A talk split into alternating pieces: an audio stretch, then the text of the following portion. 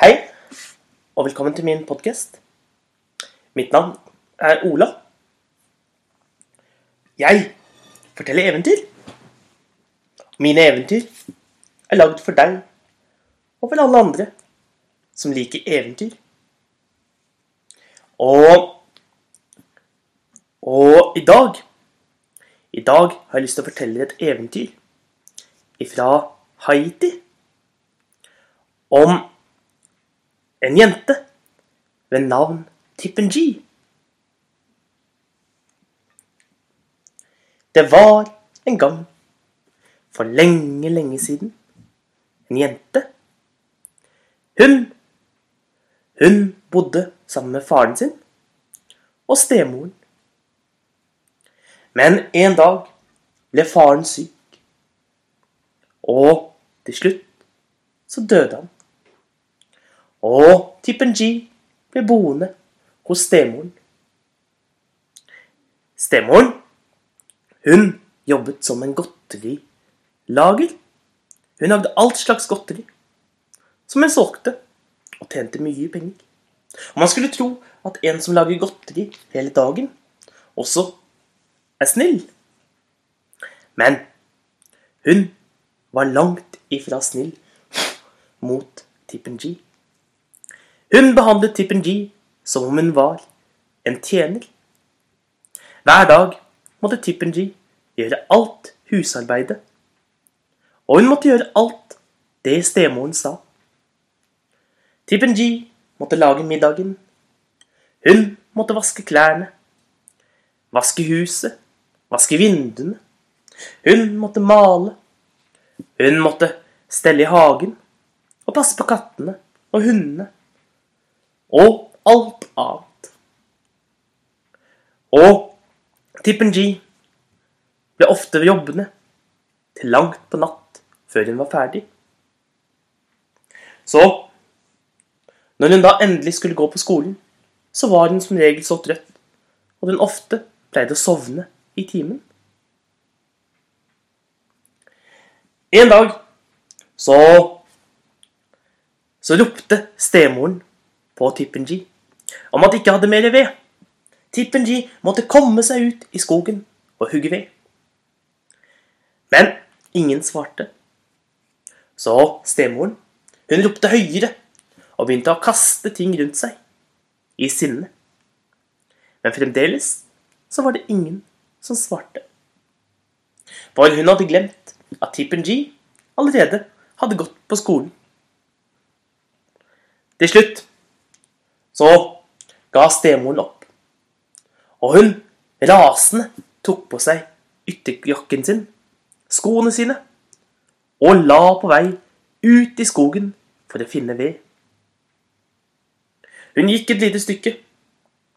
Det var mye, mange trær rundt omkring, men det var så mye arbeid med å kappe ned trærne. Så hun fortsatte å gå.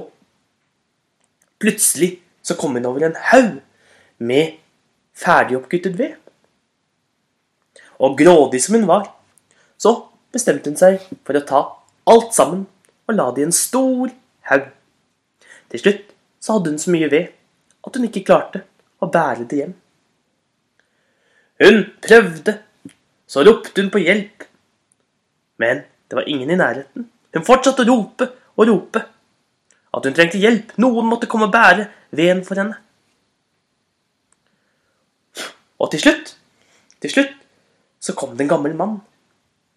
Han var eldgammel og gikk med en spaserstokk. Bær veden hjem for meg, berørte stemoren. Og den gamle mannen så på henne. Så tok han den magiske staven sin og dunket den tre ganger i bakken. Dunk, dunk. Og når han hadde slått tre ganger, så begynte all veden å fly opp i luften og landet i en stor haug. Så slo han stokken tre ganger til i bakken, og all veden fløy opp på ryggen hans. Og så sa han, 'Nå går vi hjem til deg'.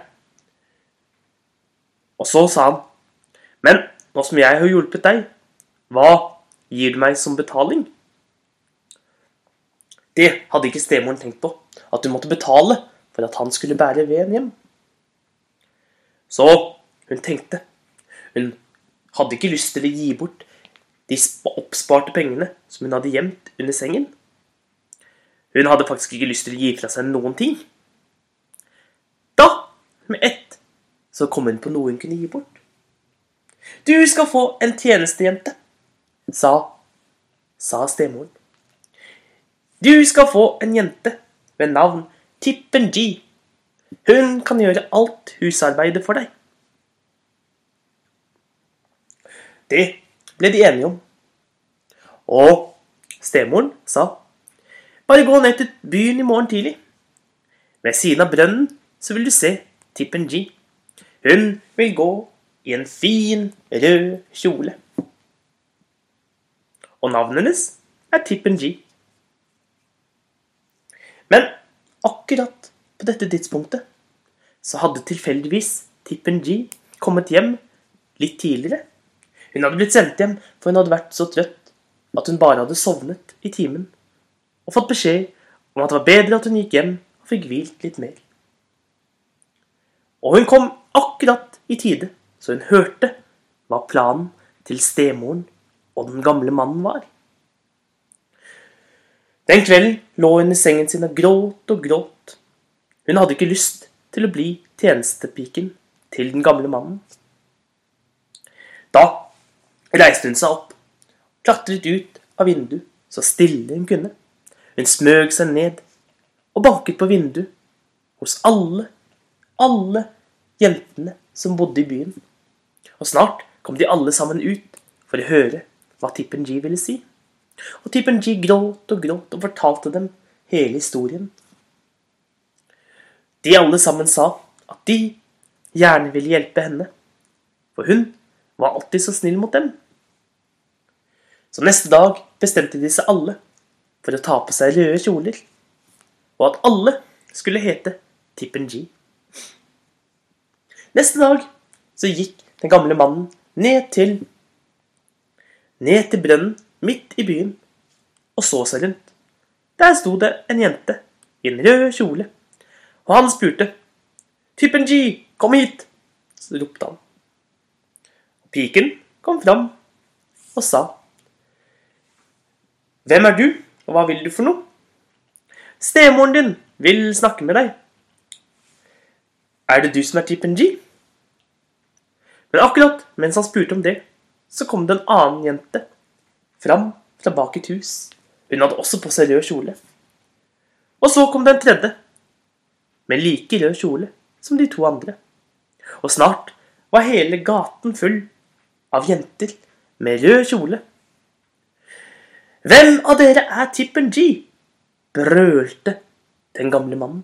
Nå begynte han å bli skikkelig sint. Jeg er Tippen G, sa en av jentene. Og mannen snudde seg mot henne. Men akkurat da så ropte en av de andre jentene. Jeg er Tippen G. Og den gamle mannen snudde seg en gang til. Og for hver gang noen ropte at de var Tippen G, så ble han sintere og sintere og sintere til han sto trampet i bakken med føttene sine. Nå er det nok! Hvem av dere er Tippen G? Da begynte jentene å synge. Jeg er Tippen G, du er Tippen G, vi alle er Tippen G. Jeg er Tippen G, du er Tippen G, vi er, vi er alle Tippen G. Jeg er Tippen G, du er Tippen G, vi alle heter Tippen G. Og mannen gikk i sinne hjem. Og Tippen G takket alle venninnene sine. Så gikk hun på skolen. Men nok en dag gang så var hun så trøtt at hun ble sendt hjem. Og når hun kom hjem, så ville hun liste seg inn på rommet for at ikke stemoren skulle sette henne i gang til å arbeide. Men mens hun lå inne på rommet, så hørte hun en kjent stemme. Det var stemmen til den gamle mannen og til stemoren.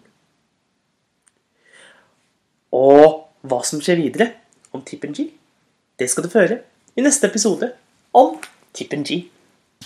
Ha en god dag, så ses vi igjen en annen dag.